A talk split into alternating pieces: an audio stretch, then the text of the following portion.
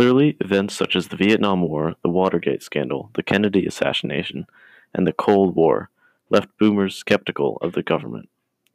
But as we've heard in these interviews, not all boomers are conservative. But even those who consider themselves more liberal remember the shock of these events. Boomers learned from an early age not to take things for granted. They could have been one of the victims of 9 11. Russia could have sent nuclear attacks during the Cold War. Any president could be assassinated just like Kennedy.